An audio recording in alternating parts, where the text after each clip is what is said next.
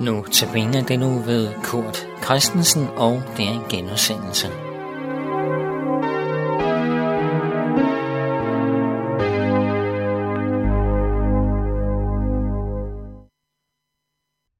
Velkommen til Notabene. Vi har så noget, vi samtidig siger, nemlig ude af øje, ude af sind. Det er jo øjet, vi ser med. Og nu er det så, at vi egentlig gerne vil se Gud. Men er det så også på den måde, at når nu Gud er ude af øjet, så er han også ude af sindet? Når nu vi ikke kan se Gud med vores øjne, at så tænker, så tænker vi heller ikke så meget på ham. Er det sådan, det er? At Gud opleves som fraværende, og en, der ikke rigtig betyder noget, fordi vi ikke kan se ham. Kan du se Gud i dit liv? Eller kan du se nogle spor, som om Gud har været der? Et aftryk eller et stempel måske, som Gud har sat? Måske er det nemmest at få øje på Gud, hvis det er sådan, at, at det med troen for nylig sådan er blevet personligt for en. Hvis man oplever, at man er dybt afhængig af Gud. Hvis Gud føles som noget overraskende, så du siger, tænk, er der virkelig en Gud, der interesserer sig for mig? Måske er det nemmest at få øje på Gud i den situation.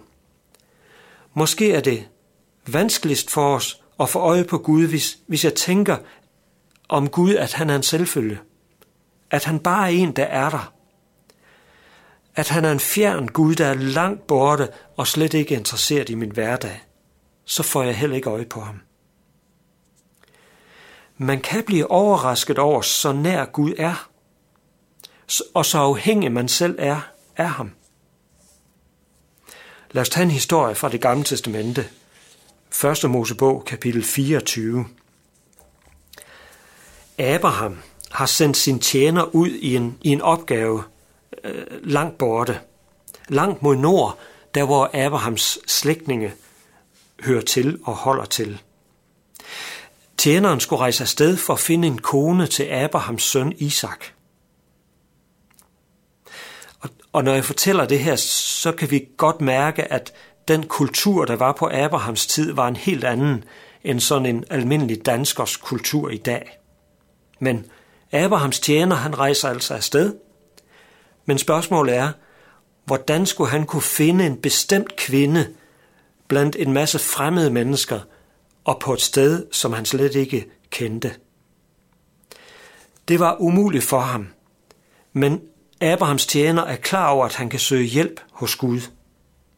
Ja, det er helt nødvendigt for ham, at Gud hjælper og leder begivenhederne, så det, der er, så det, der er meningen, også er det, der sker. Tjeneren rejser derop og kommer til, til brønden der på stedet. Han er tørstig, og det er hans kameler også. Og så beder han en bøn til Gud, hvor han stiller Gud et forslag. Gud, vil du ikke nok lade det lykkes for mig at finde den rigtige kvinde i dag? Om lidt, Gud, så kommer byens unge kvinder ud til brønden her for at hente vand. Og Gud, prøv nu at høre det her forslag, jeg har. Nemlig, at så kommer der en pige, og jeg siger til hende, vil du ikke nok give mig din krukke, så jeg kan få noget vand at drikke?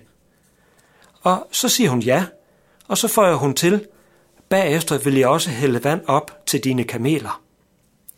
Gud, hvis det sker, lad det så være hende, du har bestemt, at jeg skal finde, for at hun skal rejse med mig tilbage og blive Isaks kone.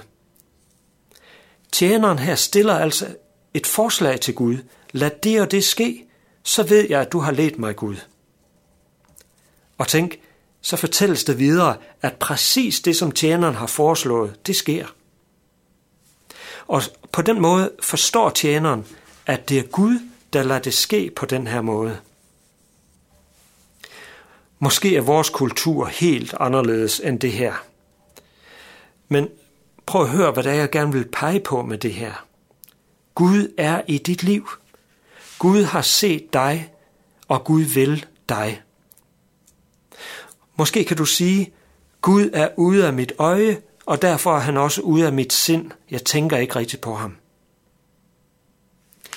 Men det omvendte, det modsatte, det gælder ikke, vil jeg så gerne fortælle dig. Nemlig, at du er ude af Guds øje, og at derfor tænker han ikke over dit liv. Det er ikke sandt. Du står lige midt i Guds synsfelt. Gud har øje for dig. For Abrahams tjener, der var den her begivenhed noget stort og noget usædvanligt. Og det var den lige fra begyndelsen af. Gud viste sig at være med i det der ekstraordinære. Hvad så med pigen? Jo, hun kom til brønden på en ganske almindelig hverdag. Og det viste sig, at også der var Gud i hendes liv. På den dag og på alle andre dage. Og pludselig sker der så noget helt usædvanligt den her dag for hende. Prøv at bede til Gud. Prøv at fortælle ham om det, du har brug for at sige til, til ham. Gud kender dig. Gud er i dit liv allerede. Lad os bede. Gud, tak fordi du ser og følger mig. Hjælp mig til også at huske på dig. Herre, jeg har brug for dig. Amen.